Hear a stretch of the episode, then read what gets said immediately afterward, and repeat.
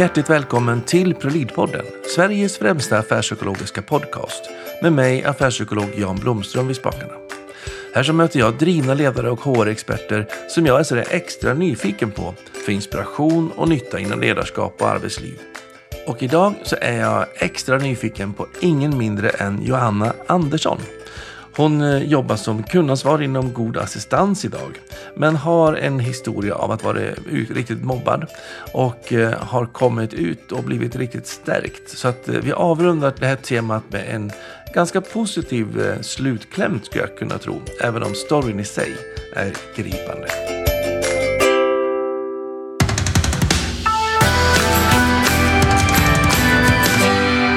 Hjärtligt välkommen till Prolinpodden. jag heter Joanna Andersson. Tack så mycket.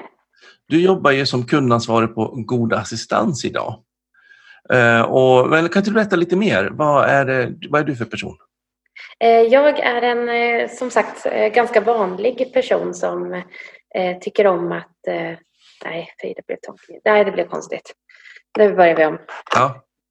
Och sen egentligen inget som sagt, för lyssnarna vet inte om. Nej, Nej men det, det, var det jag kände. Ja. Och börjar man tänka så är man liksom körd. Så vi börjar om. bra. Hjärtligt välkommen till ProLid-podden säger jag till Johanna Andersson som idag jobbar som kundansvarig inom God assistans. Tack så mycket. Kan inte du berätta lite kort, vad, vad är det för person som vi möter här? Jag är en ganska vanlig person som eh, i dagsläget jobbar med personlig assistans där jag är chef för assistenter och eh, även hanterar assistansen för kunder. Eh, men jag har min bakgrund eh, inom en kommunal verksamhet där jag i många år var eh, personlig handläggare eller biståndshandläggare för LSS. Eh, jag utvecklades och blev sedan ledare och sedermera chef inom den verksamheten. Mm. Så du har många år erfarenhet inom LSS och omsorg helt enkelt? Ja, det har jag. Ja, spännande. Eh, och jag som då neuropsykolog, jag tycker ju sånt där är jättespännande såklart. Det är min bakgrund så att jag är lite yrkesskadad i det en gång i tiden. Eh, men eh, det är faktiskt inte riktigt det som du och jag ska frottera oss i idag. Nej, det är ju inte det. Nej, utan vi ska ju berätta eller prata och ha fokusering på det här med att bli mobbad som chef. Mm. som jag har förstått så har du en story av det, men kommer ganska så stabil ut på andra sidan om man får prata i sådana termer. Och det ska bli jättespännande att få ta del av din berättelse kring det, tänker jag. Mm. Eh, kan inte du berätta lite grann, hur, hur, vad, vad, vad bestod din erfarenhet av att bli mobbad som chef? Jag, som jag sa så kom jag in som chef inom en myndighetsavdelning i en kommunal verksamhet. Mm. Eh, jag eh, trivdes väldigt bra i min arbetsgrupp. hade inga problem med mina medarbetare utan vi hade en ganska bra utveckling. Det var en, en enhet i gungning när jag kom in så det var ett starkt utvecklingsarbete. Eh, det som hände var att min överordnade och de andra i ledningsgruppen där jag ingick i, i kommunen mm. ganska snart började att eh, ja, men kritisera verksamheten. Man ifrågasatte hur jag kunde vara chef för så få medarbetare. Jag hade ju bara eh, sju anställda. Mm. Eh, man förstod inte vikten av verksamheten, var min upplevelse. Det, det, det, var så det började, att jag fick försvara det jag jobbade med och de jag jobbade tillsammans med. Mm. Eh, och sen upplevde jag väldigt snart att det blev personligt mot mig. Att jag hade någon personlig del i, i det jag sa och det jag gjorde, vilket jag inte alls har haft. Jag på, ganska vilket, på vilket sätt då? Liksom? Man kunde ifrågasätta eh, småinköp och det var... Eh, jag vet att jag, jag blev ifrågasatt för mina stämplingstider. Vi hade ett manuellt stämplingssystem där vi inte hade någon stämpelklocka vid eh, dörren utan man fick gå in och sätta sig vid datorn och stämpla in. Eh, och i en verksamhet där man vill se sina medarbetare så går man kanske och pratar med medarbetarna först innan man går och sätter sig vid sitt eget skrivbord. Eh, och, och då, blev man, då blev jag ifrågasatt för hur jag stämplade på ett sätt där man inte ställde en fråga utan man började med, med anklagelser. ganska direkt.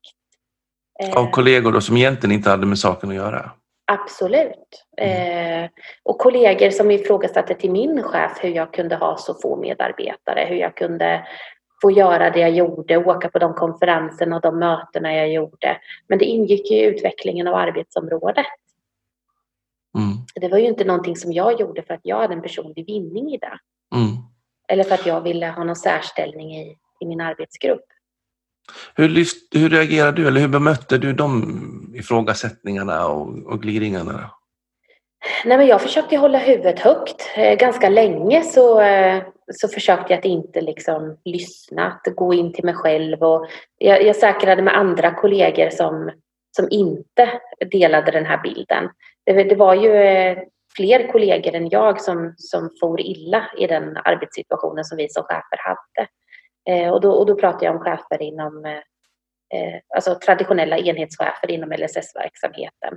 Mm. Eh, det, det, var ett tufft arbetsklimat för, för flera ledare och flera som har valt att sluta i den mm. organisationen. Mm. Vad fick du för respons hos din ledning? Eh, jag fick ingen respons eh, alls faktiskt.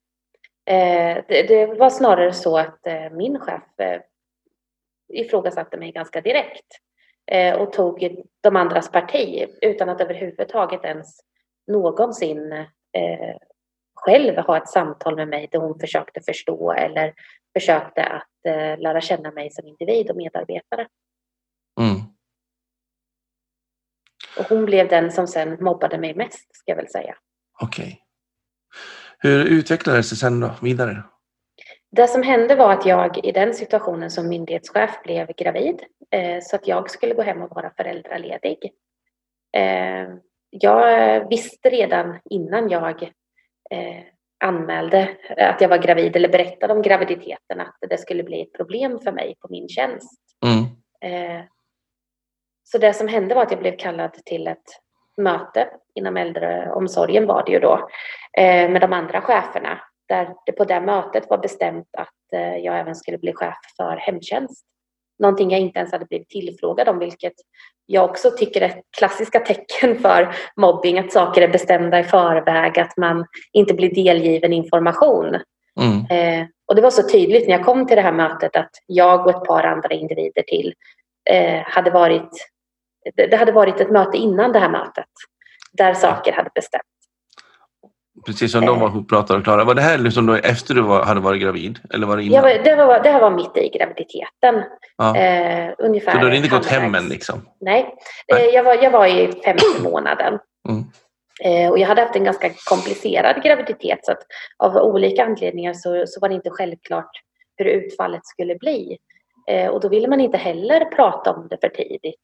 För det är ganska personliga saker. Absolut. Men efter det här mötet i alla fall när det blev klart att jag skulle ha en nattgrupp, vilket också var det sämsta jobbet, eller om man, om man får säga så, eh, och utan att ha diskuterat konsekvenser av att ha verkställighet och beställarenhet tillsammans i ett chefskap. För, för jag hade ju myndighetssidan där man fattade besluten, så kunde inte jag som chef tycka att det kändes självklart att, att faktiskt gå in och sen vara chef för eh, för de som ska utföra de tjänsterna som vi har beställt. Det mm. finns en del problem i det kan jag tycka. Mm. Eh, så blev det bestämt då att jag skulle vara chef för, för en hemtjänstgrupp på natten där jag behövde vara på jobbet klockan sex, eh, halv sju varje morgon eh, för att möta den här gruppen. Så att jag gick från det mötet och kände mig tvingad att berätta för min chef om min graviditet. Mm. Vilket jag också gjorde. Och då blev det såklart så att jag inte skulle vara chef för den här hemtjänstgruppen. Men det blev också ganska tydligt att jag inte skulle få vara kvar på den tjänsten jag hade när jag kom tillbaka från min föräldraledighet. Utan började... att vara involvering med facket eller någonting sånt? Utan...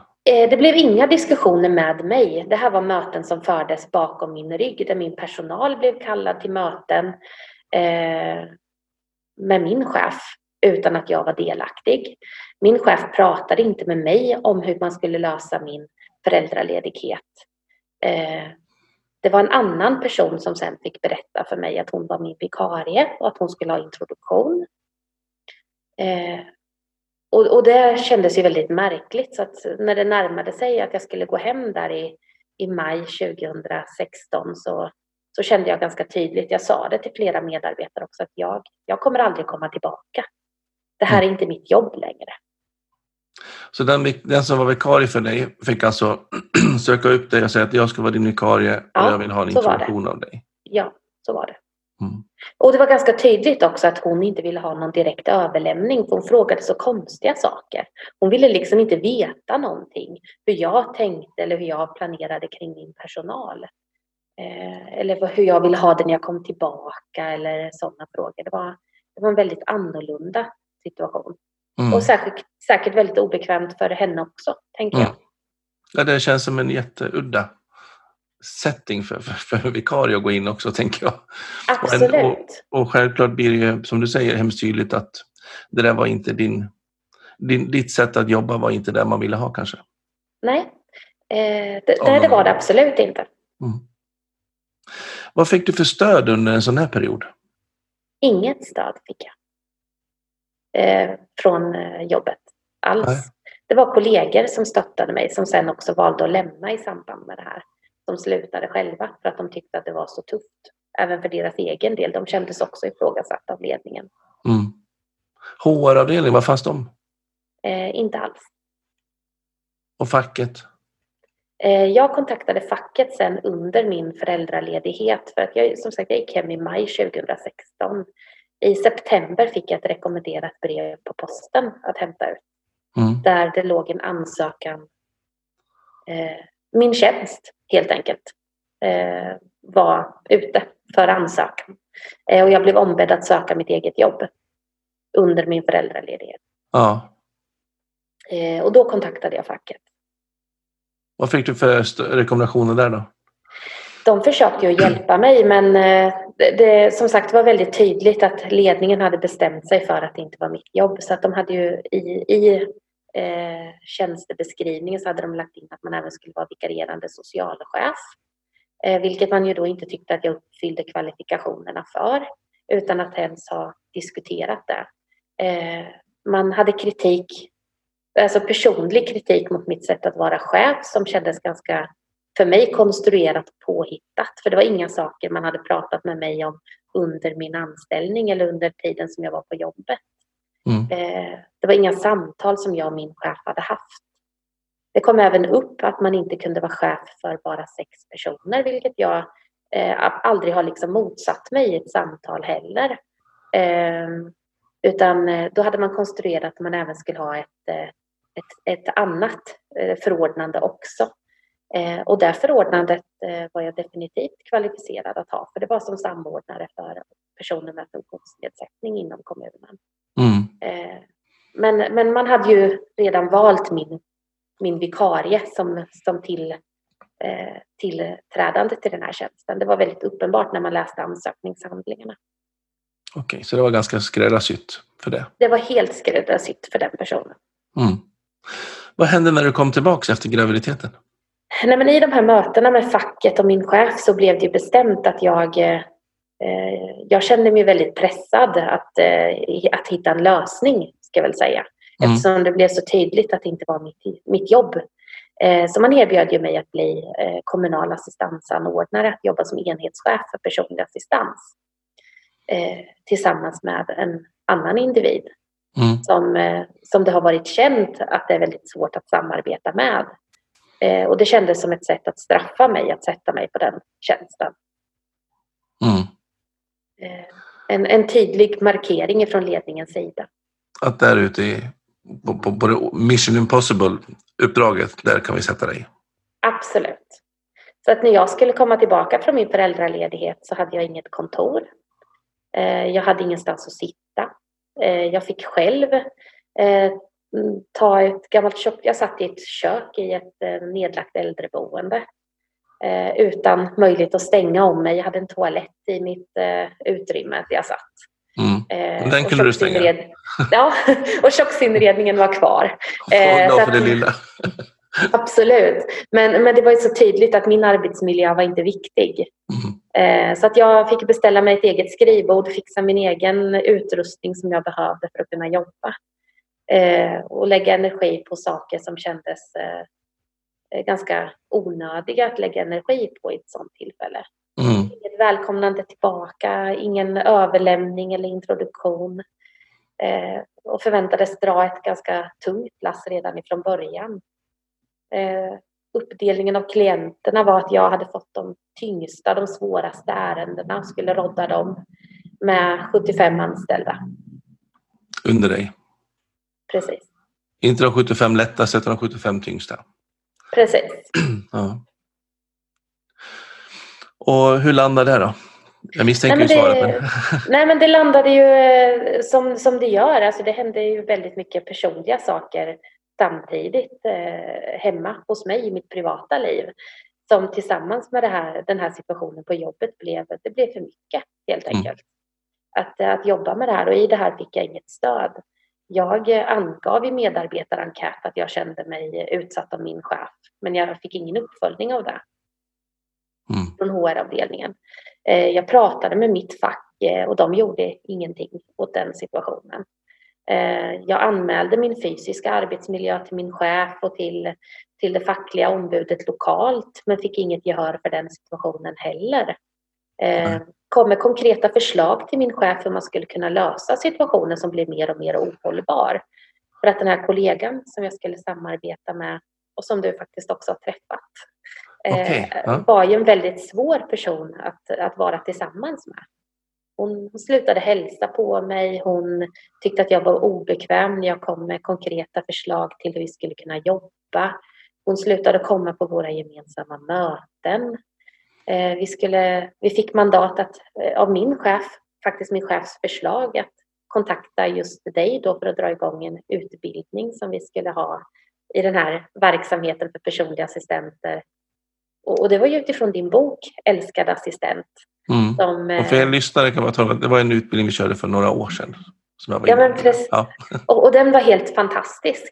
Eh, och det var faktiskt min chef som, eh, som jag då tyckte i ett samtal som vi hade, ett av de få ska jag väl säga, eh, eh där, där, hon faktiskt kom med det förslaget att eh, undersöka det här och eh, implementera det här. Och, och vi hade en utbildningsbudget att, att förfoga över som vi faktiskt fick bestämma över själva. Mm. Eh, som täckte den här kostnaden. Mer än väl ska jag väl säga. Mm. Eh, och sen blev jag ifrågasatt för den utbildningen också. Det, det, blev någonting man använde emot mig att jag hade inte förankrat det i ledningen. Jag hade, inte, jag hade kört mitt eget race. Jag hade inte pratat med någon om det här. Och, och, det kändes ju som ett hugg i ryggen för det var ju faktiskt min chefs egna förslag. Mm. Eh, jag kom med idéer om hur man skulle kunna få arbetssituationen hållbar genom att anställa ett administrativt stöd, lyfta av vissa, för utöver att vara chef för, för eh, personliga assistenter då, som var ungefär 75 stycken samt vikarier, så det var över 100 anställda, så hade vi även ansvar för att anställa kontaktpersoner och ledsagare, så det var ett omöjligt uppdrag. Eh, kommunens chefspolicy var att man ska ha 25 medarbetare. Mm. Eh, och, och, då när jag lyfte det tillbaka så, så fick jag till svar att det, det, här är helt omöjligt, det här kan vi inte lösa. Så att eh, jag sa upp mig faktiskt från min mm. Så det var där du landade? Ja, jag kände att jag var tvungen för att eh, överleva. Mm. Jag lämnade ett jobb som jag faktiskt tyckte om. Eh, för, för det var väl vinningen med den här resan, att jag upptäckte att personlig assistans är någonting som jag tycker om att jobba med det är en intressant målgrupp och det, det är en, en tragisk utveckling i assistansen i sig i samhället men, men det är ett väldigt givande arbete där man verkligen får ge någonting konkret till människor som man möter. Mm. Ja, det sista kan jag bara hålla med om också. Det är därför jag har svårt att släppa mig från assistansvärlden. Ett viktigt, viktigt och roligt och stimulerande område. Men, men du sa upp det helt enkelt och kom därifrån. Va, vad hände då när du kom därifrån? När du liksom började eh. komma, få, få landa och få, få, lite distans till vad som hade hänt? Vad var du utsatt för? Nej, men det som hände var att jag ganska... Jag fick ett annat jobb som chef i en grannkommun. Eh, men kände ganska snart att om jag ska överleva som människa så ska jag inte fortsätta som chef i en kommunal verksamhet. Eh, det, det kändes för sårbart och för nära och när jag besökte den här nya arbetsplatsen som jag faktiskt blev erbjuden så mötte jag fantastiska människor men jag kände att det fanns en sårbarhet i att, att det skulle kunna bli likadant. Det, mm. det kändes för personligt och för nära för mig. Mm. Så att jag valde att eh, tacka nej till det erbjudandet. Mm. Eh, jag var sjukskriven några månader eh, i glappet för att under min uppsägningstid så, så blev det ohållbart att vara kvar i den här kommunen som jag lämnade. Mm. Så att jag var faktiskt hemma i två och en halv månad. Mm. Och den tiden ägnade jag väldigt mycket åt att fysiskt återhämta mig, att sova, äta, umgås med familjen. Mm. Har du fått något svar på var, var, varför hamnade du i det där läget? Varför blev du utsatt för de här krafterna? Jag har faktiskt aldrig fått något svar på den frågan. Eh, jag tror, alltså min egen tanke kring det har väl varit mycket att jag tror att jag att jag inte vek ner, att jag inte har gett efter, att jag har varit stark i mig själv har nog varit en orsak till att, att man har kunnat behandla mig på det här viset. Mm. För att man vet att du tål någonstans, eller på något sätt? Ja, jag tror det. Och jag tänker också att man blir också utmanad om man liksom sätter fingret på en, eh, en, en, problematik. Om man är stark så har man ju oftast liksom förmåga att sätta fingret rätt, rätt på saker som kanske ömmar. I en miljö som inte har den förutsättningen att kunna ta emot den tydligheten. Och då blir man ju någonting som ett udda fenomen i en miljö som är liksom unison nästan, att vi har valt en kollegial nivå på hur vi ska definiera saker. Eh, och då upplever man att det ett hot och så måste man gå in och någon typ av försvara sig mot det här främmande elementet som kommer in. Mm. Eh, det är i alla fall ett mönster jag ser i många eh, sådana liknande situationer och som även flera av våra andra gäster kan ha berättat om lite i ja, men jag, jag tror att det ligger någonting i det för att jag som person ser ju väldigt tydliga mönster. Jag kan se organisationsutveckling och tankar kring om hur det borde vara när det mm. skulle kunna fungera på ett annat sätt. Eh, och där har ju jag fått lära mig att det kanske inte är min sak att lyfta de frågorna. Nej, för då blir man... Då är liksom, sporrar man den där försvar, attacken på något sätt. Ja, eh, men det här betyder ju helt enkelt då att du klev av, du mm. var hemma en stund, läkte lite grann mm. och eh, tog det vidare sen. Om man då börjar se lite grann på, du har några saker med dig i ryggsäcken. Vad har du för nytta av det idag? Eller vilka sviter har du och vilken glädje har du av det? Eh, glädjen är ju att jag får göra det jag tycker är roligt. att jag har fått eh, utmana mig själv att lämna min comfort zone och, och det som kanske är bekvämt. För den kommunala världen är ju väldigt bekväm. Eh, att ge sig ut i den privata sektorn har ju varit den, den största vinsten och utmaningen för mig personligen. Mm. Eh, någonting jag alltid har varit lite skrämd av eh, innan. Eh, men, eh, och sviterna kan jag tänka mig, det är ju att man är mera, jag menar, mera lättsårad, mera lätt... Eh, det, det, blir ju lite som ett gammalt ärr, det, det ömmar ju fortfarande lite. Det, mm. det, kan peta upp lite skorpor och det kan i situationer om min chef är för snabb eller fattar ett, inte ett beslut över huvudet, för det skulle han aldrig göra. Men, men om han i sin vilja att hjälpa, för han är väldigt hjälpsam och, och hygglig, eh, gör någonting åt mig så kan jag känna mig lite naggad i kanten av det ibland. Mm. Det, det triggar igång det gamla liksom? Ja, men det kan det göra och det har inte med honom eller våran situation egentligen att göra alls. Eh, kan även vara lite känslig för eh, Ja, men jag, jag, kan vara känslig för eh, hårda, alltså en hård ton i ett samtal också. När människor blir lite eh, uppjagade eller när man går igång på saker så kan jag känna själv att ja, men nu, då blir flyktinstinkten lite starkare hos mig. Mm. Jag var faktiskt inkopplad som konsult i en, eh, en grupp en gång för att de hade problem med två individer i gruppen. Och eh, den ena var hemskt det här vuxit upp typ i något sätt, typ, ingen fördomar här alls, men typ någon teaterfamilj. Var hemskt diskussionsglada, teatraliska, uttrycksfulla och sådär. Och så fort de var liksom engagerade i en fråga så höjdes röstläget och liksom var lite viftiga armar och sådär.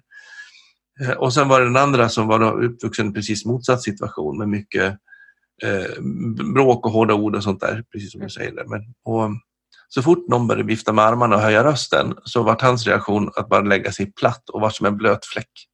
Och ingen i gruppen kunde fatta vad det var som hände för så fort de var lite heta diskussionerna så vart de där pol, motpolerna verkligen helt extrema.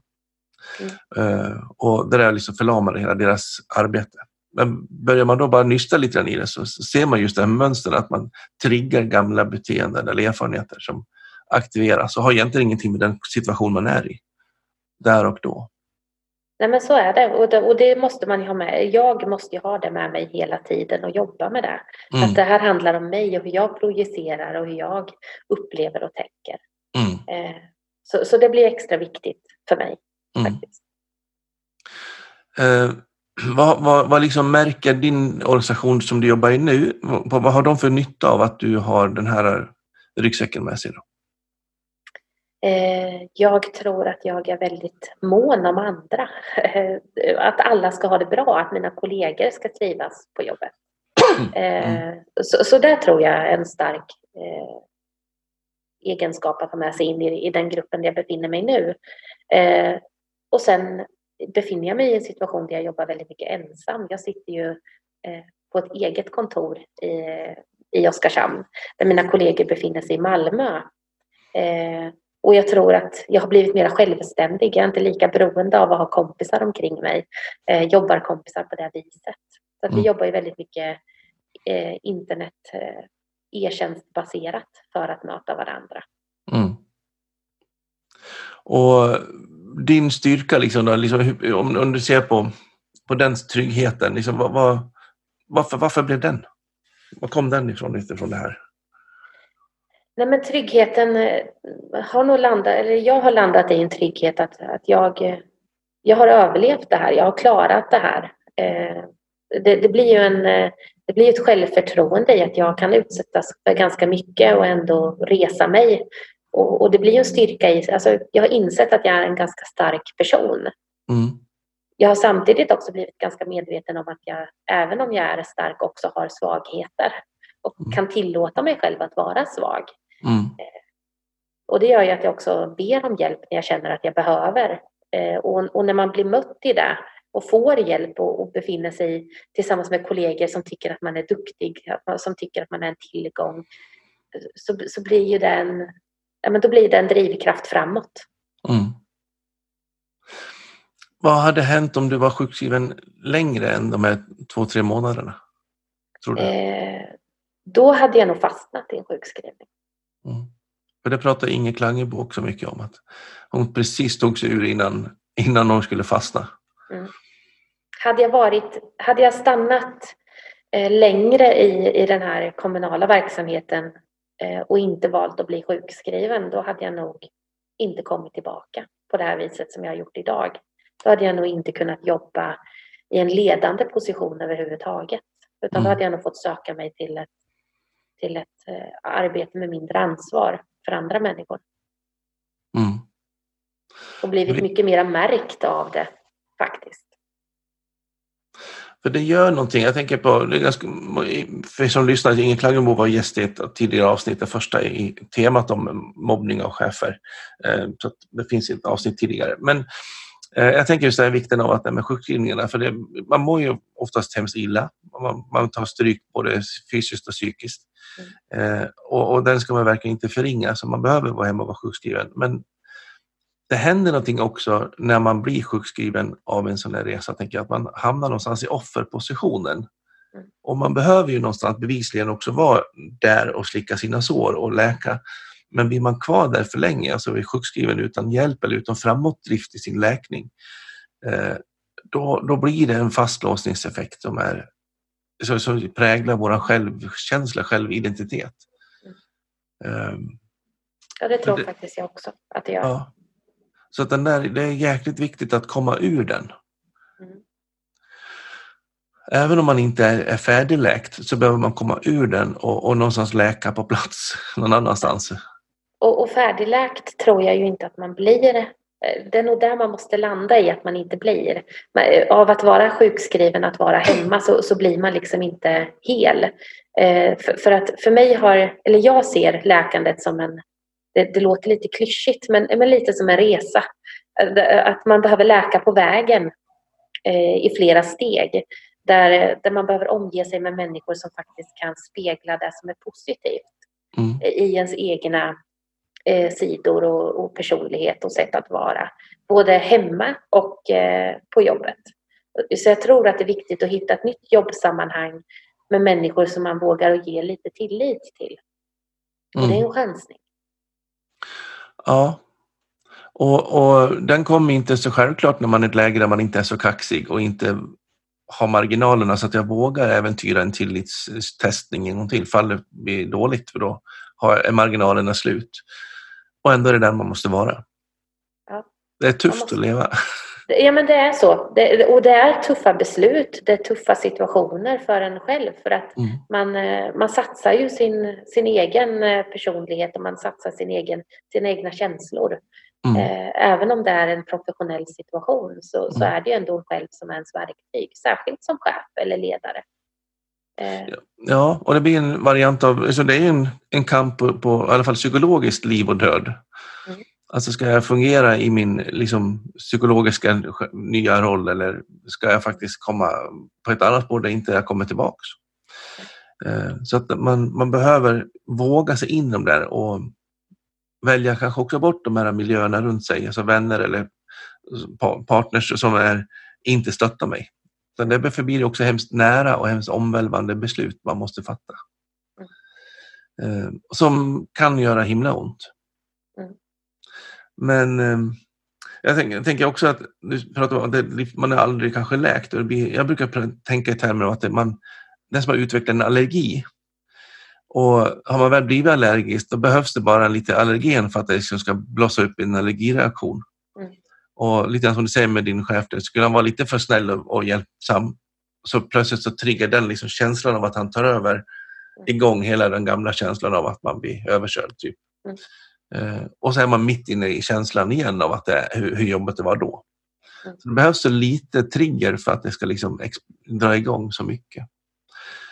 Eh, och då tänker jag att det här är ju, ofta är man ju kanske stark och, och, och många som blir utsatta för, för mobbning av chefer är ju de som har fått beröm så många gånger tidigare i sitt sätt att vara. Mm. Man har fått till förändringar, man har fått till tuffa situationer. Man har verkligen satt fingret på och man har skapat effekt liksom, i, i det man har åtagit sig.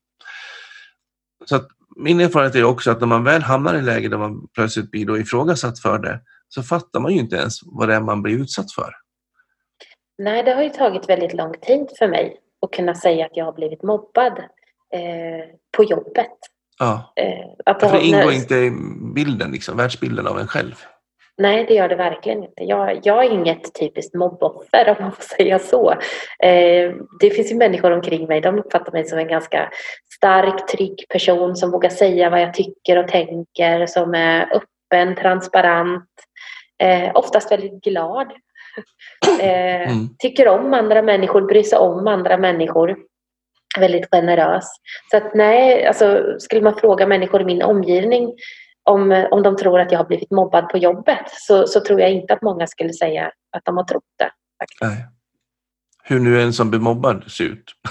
Nej, men, ja, men alltså, jag, jag, tror ju ändå att man kanske har en förutfattad bild av att det är en svag människa som, som är lite tacksam att reta eller slå på eller har ett udda utseende eller har en väldigt udda personlighet kanske. Mm. Och, men ehm, ja, verkligen, det är inte den bilden man har av, av många av de som blir mobbade i, i, i chefspositionerna, utan det är tvärtom. Nej. De är som inte Nej, men precis. sig fram. Och, och, där har jag ju fått ändra min bild också av mig mm. själv. Eh, det, det, har varit en, det har ju tagit ganska lång tid att kunna säga att ja, men jag, jag, blev, jag blev faktiskt mobbad på mitt jobb. Det är så jag känner mig. Mm. Och vad händer med dig då, då? När du liksom kommer till det läget? Nej, men det var en befrielse. Eh, för det, jag är ju en väldigt ambitiös person som vill göra ett väldigt bra jobb så att jag har ju ifrågasatt mig själv väldigt hårt. Kunde mm. jag ha gjort annorlunda? Skulle jag ha agerat annorlunda? Skulle jag ha varit även varit på ett annat sätt. Och det är klart att jag kan se att jag i vissa situationer skulle kunna ha sagt något annorlunda eller suttit mera på händerna och väntat eller så. Absolut. Samtidigt som jag... Eh, men det blev en befrielse i att det här handlar inte om mig. Nej. Bara. Mm. Ansvaret ligger faktiskt även hos någon annan. Kanske mest. Ja, faktiskt. Det är det som också jag tycker är så coolt att um Eh, för, för liksom, hur, hur man, när man blir mobbad, hur kan man komma ut stärkt kring det? Ja, så att man liksom ändå mer är stärkt än att man är försvagad om man säger så. Så dels är det ju att man landar i att man är utsatt för en dålig miljö, dålig organisatorisk situation eller gruppsituation eller vad det nu kan vara. Mm. Eller att personerna som agerar har en egen ryggsäck som gör att jag blir för hotfull. Mm. Självklart man behöver göra en inventering om man kan ha gjort något själv, själv annorlunda än själv. Men, men oftast är det ju att man inte kunnat påverka situationen så mycket. Mm. För i så fall ska man i alla fall kanske valt att anamma den gängse kulturen och då är det inte förenligt kanske med det uppdraget jag har tackat ja till. Så att man ska inte ge våld på sig själv heller för då förlorar man sig själv om man är högpresterande och ambitiös. Så kan man inte gå dit och, och bara glida med bara för att inte bli bli utsatt och sticka ut hakan. Um, men um, blir man trygg i det då, då, och, och, ser att det här blev jag utsatt för trots att jag är den jag är, då, då har man ju lättare att kunna se att ja, men jag har en styrka och det kanske var just därför. Mm. Och då blir man stärkt. Det är en, en sån insikt jag tänker. Eh, att man faktiskt har fattat att även jag kan vara utsatt för det gör att man kan vara lite mer ödmjuk inför signalerna så att jag fångar upp dem snabbare. Eh, så att jag förstår och kan vidta åtgärder innan det går för långt. Eh, och sen att man också blir medveten om sin styrka så att man än mer noga inventerar sin nya arbetsplats. Vad behöver jag för förutsättningar för att jag ska komma till min rätt? Eller vad behöver arbetsplatsen som jag ska till ha för förutsättningar för att de ska komma till sin rätt när jag kommer in? Mm. Hur kan de skörda något positivt av min, mitt sätt att vara? Mm. Och när man liksom matchar i det där, då blir det ju en match in heaven i variant av det i alla fall. Mm. Ja, men det tror jag. Det tror jag verkligen. Eh, jag har ju blivit mycket mer kräsen. Skulle jag hamna i en situation där jag vill byta arbete så skulle jag verkligen, som du säger, ställa högre krav på arbetsplatsen. Mm. Eh, det har jag gjort inför att jag faktiskt hamnade där jag är idag. Jag, land, jag mellanlandade i ett annat företag en kort, kort period. Eh, bara för bara för att ha något att göra och hitta, ja, men hitta liksom en väg framåt. Eh, mm. och kände att det passade inte alls mig. Eh, och som du säger, där vågade jag bara, ja, men där vågade jag verkligen landa i att här kommer jag inte kunna vara kvar. Mm. Eh, kan uppfattas lite nonchalant på ett sätt. Men, men jag tror att det handlar mycket om den här erfarenheten som vi pratar om. Mm. Att, att kunna, ja, men man, man vågar på ett annat sätt. Mm. När, när man har blivit stärkt så vågar man säga nej. Mm. Eh, det, det, det, är en del av, av att ha kommit vidare. Coolt. Eh, om du nu ska liksom säga till chefer som känner sig mobbade idag, vad, vad vi skulle vilja skicka för ord till dem? De som lyssnar och känner sig att men jag är också mobbad och utsatt och ifrågasatt. Eh, nej men för, för, det första så skulle man bara vilja ge en stor varm kram faktiskt. Mm. Och, och, säga att det här är inte ditt fel. Eh, och, och, låta den här människan få landa i den känslan av att vara sedd. Mm. Eh, för, för det jag tror att man behöver hitta någon som ser en. Det, det är mitt största råd. Att, eh, att försöka hitta en bra kollega eller att öppna sig för sin partner hemma eller sin bästa vän. Men att, men att våga öppna och säga att jag har det inte bra, jag mår inte bra. Mm. Eh, det, det, är mitt största råd.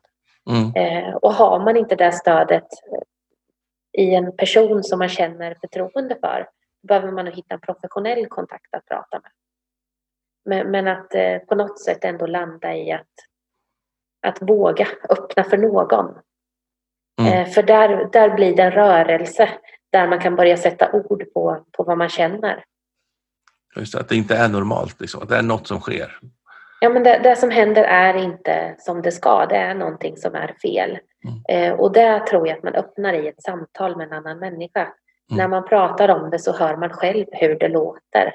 Att det här är... Och lite, lite för pratar jag med dig om min situation så kan jag ju känna det här hade jag ju aldrig låtit en annan människa bli utsatt för. Hade du berättat för mig det jag har berättat för dig så hade jag tyckt att det var hemskt. Ja. Eh, och, och, där blir det en drivkraft i, i samtalet och i mötet med en annan människa som faktiskt kan förstå. Eh, så att har man bra kollegor så är mitt råd att börja där. Någon kollega som man har förtroende för. Mm. Men det, också, det, måste också vara en, en person som inte har en vinning i, i att slå tillbaka på det du säger så att man blir ytterligare utsatt. Nej, så gärna kanske en kollega utanför eller någon gammal kollega? Eller? Ja, men precis. Mm. Eh, till de som mobbar då? Eller kränker, ger tjuvnyp och ifrågasätter och förlöjligar och allt vad man nu gör. Vad vill du säga till dem? Att det är aldrig okej okay att bete sig så mot en annan människa. Eh, respekt är eh, en grundläggande egenskap som man måste ha med sig i möten med andra människor. Eh, och den mm. respekten måste finnas. Så att härskartekniker och att använda eh, eg, alltså att projicera egna känslor för att må bättre själv genom att slå på någon annan. Det kan aldrig vara okej. Okay. Nej. Så sluta med det ni som håller på och mobbar. Nu. Tyvärr funkar det ju inte så. De ser det oftast inte själva på det viset. Men, men jag skulle önska att vi tillsammans, alltså att vi som ser det vågar säga nej. Mm. Eh, att man kan stärka varandra i att vi vill inte ha den här kulturen omkring oss. Nej. Och då är det också viktigt att man någonstans sätter ord på vad vill vi ha? Så att man får en referensram, för då är det mycket lättare att säga att det där du gör nu, det är inte det vi har sagt att vi vill ha. Nej, men precis. Så, att, så att, se till att uttala vad ni vill ha. Säga till alla innan ni hamnar i läge där det blir dåligt, för då, då har ni mycket lättare att styra upp det. Och sen är det svårt i sjuka organisationer. Du, du har ju själv rört dig i stora organisationer som inte, som inte är bra. Att det är svårt att förändra en, en organisation som blivit lite självgående. Mm. Och särskilt när den är dålig. Ja, det är långsiktigt och brett arbete som gäller. Mm. Du, har, du nämnde din nya chef som du har nu. Ja. Eh, han har ju ändå rekryterat dig som har en ryggsäck av att vara mobbad. Mm. Vad skulle du vilja säga till chefer när de funderar på att eh, rekrytera någon ny och det är mobbade chefer som söker tjänsterna? Eh, nej men jag tror att man måste vara väldigt tydlig med hur man kommunicerar. Man, man behöver prata om det från början. Eh, och, vad, och, och lika att man är tydlig i hur man tydlig, alltså vad, vad är uppdragen? Var, var går gränserna för, för mitt och ditt? Mm. Eh, och när ska vi mötas i de gränsöverskridande eh, aktiviteterna och samtalen? Mm. Vem gör vad? Så att man vågar och som chef till, till någon som har varit utsatt så måste man ha ett ganska stort hjärta och vara mm. ganska... Man får inte vara så... Eh, jag har svårt att hitta ordet, men jag tänker att man får inte vara så självbelåten. Man måste våga att, att eh, se inåt lite och att eh, inte vara så upptagen av sin egen chefsroll. Så att, eh, så att man vågar och eh, lyfta lite. Mm. Ehm, I min värld så är det lite grann mångfald på, i praktiken. Det är inte mm. bara mångfald, inte bara olika länder man är född i, utan mångfald är olika livsöden och situationer. Och mm. Det berikas verkligen på arbetsplatsen när man får in. Och det gör mig så ont då när man hör att det är så många som har varit ut, gått hem och blivit sjukskrivna för att varit utsatt för mobbning. Och man är helt omöjligt nästan att komma in på arbetsmarknaden igen. Mm. och att det är så svårt för det är så många chefer som inte vågar ta in någon som har varit mobbad för man tror att man får ta in världens största problem. Man tar in ett psykfall, man tar in ett missfoster eller vad det nu är man har för förutfattade meningar. Mm. Och det är så synd för att eh, man har, vågar man, är min rekommendation till alla er som rekryterar i alla fall, att våga ta in även om man varit utsatt för, för mobbning. Låt inte det avskräcka. Men man behöver vara tydlig som du säger, prata om gränserna och uppdraget och förväntningarna på varandra. Mm. Jo, men jag tror att mycket, mycket ligger i kommunikationen och att om, om man eh, är, alltså, är man ärliga mot varandra om, om vad man förväntar sig och vad man vill ha mm. så, så, tror jag att det blir lättare att mötas. Och, och, då är det inte så svårt att ta in någon som har varit långtidssjukskriven oavsett om det är för fysisk sjukdom eller för mobbing eller en psykisk ohälsa. För att då finns det en, ett, eh, en vilja att komma framåt och mm. hitta mm. en, en, en väg i hur, hur vi ska utvecklas tillsammans. Eh, och där får man ge och ta lite grann, tänker jag. Ja. För så är det ju när jag anställer personliga assistenter också. Eh, mina medarbetare har ju inte, de flesta kommer ju inte från ett annat jobb utan man kommer från en arbetslöshet av, av någon anledning. Eh, det är inte ovanligt. Eh, och där kan man ju inte vara dömande mot de människorna man möter. Man måste ju våga se människans möjligheter. Mm. Vad kan den här människan ge mig och vad kan jag ge den här personen tillbaka? Jag brukar tänka att rekryteringssituationen är som att titta i en kristallkula. Det handlar om vad, vad tror jag kommer hända mm. på min arbetsplats om jag tar in den där personen. Precis. Inte vad som har hänt förut. Det, det tror jag absolut. Om du vill avslutningsvis då vill säga någonting till de som har mobbat dig? Har du något avskedsord till dem? Ja, men det, jag har funderat mycket på det. Eh, jag, jag, har faktiskt inte så mycket att säga till dem. Eh, av den anledningen att jag känner mig ganska färdig med den perioden i mitt, i mitt liv. Mm. Eh, de har inte knäckt mig. Eh, och jag som person har, jag kan känna det att jag har blivit en, en starkare person som är mer medveten om mig själv. Eh, så mm. på ett sätt är jag tacksam för den erfarenheten. Även om den gjorde väldigt, väldigt ont. Mm. Priset för den insikten är alldeles för dyr. Så var det, definitivt. Men Ett, äh... jag, jag, tror att de är de stora förlorarna i den här situationen. Mm. Och med det så tror jag faktiskt vi avrundar och eh, jag får säga jättestort tack att du berättade. Och jag tror också det här blir då avslutningen på, på hela vårt tema här i Prolidpodden under hösten med att eh, fokusera på chefer som var utsatt för mobbning. Och jag tror att vi tar dina ord till, till lite avslutningsord. Det är de som, var, de som mobbar och far illa, far runt illa, det är de som är de stora förlorarna. Och tillsammans får vi försöka att skapa miljöer ute på våra arbetsplatser så att vi faktiskt får växa och må gott och prestera bra tillsammans. Eh, och det är egentligen summa summarum det jag drivs av också som affärspsykolog, att, att talang accelererar Sveriges arbetsliv. Att vi ska få möjlighet att växa och utvecklas och jobba mot våra uppsatta mål. Och då är det fan mig inte plats för att mobbas och, mobb och bli mobbad. Det växer vi inte av. Så tusen tack Johanna Andersson för att du var med. Stort tack. Gillar du också avsnittet?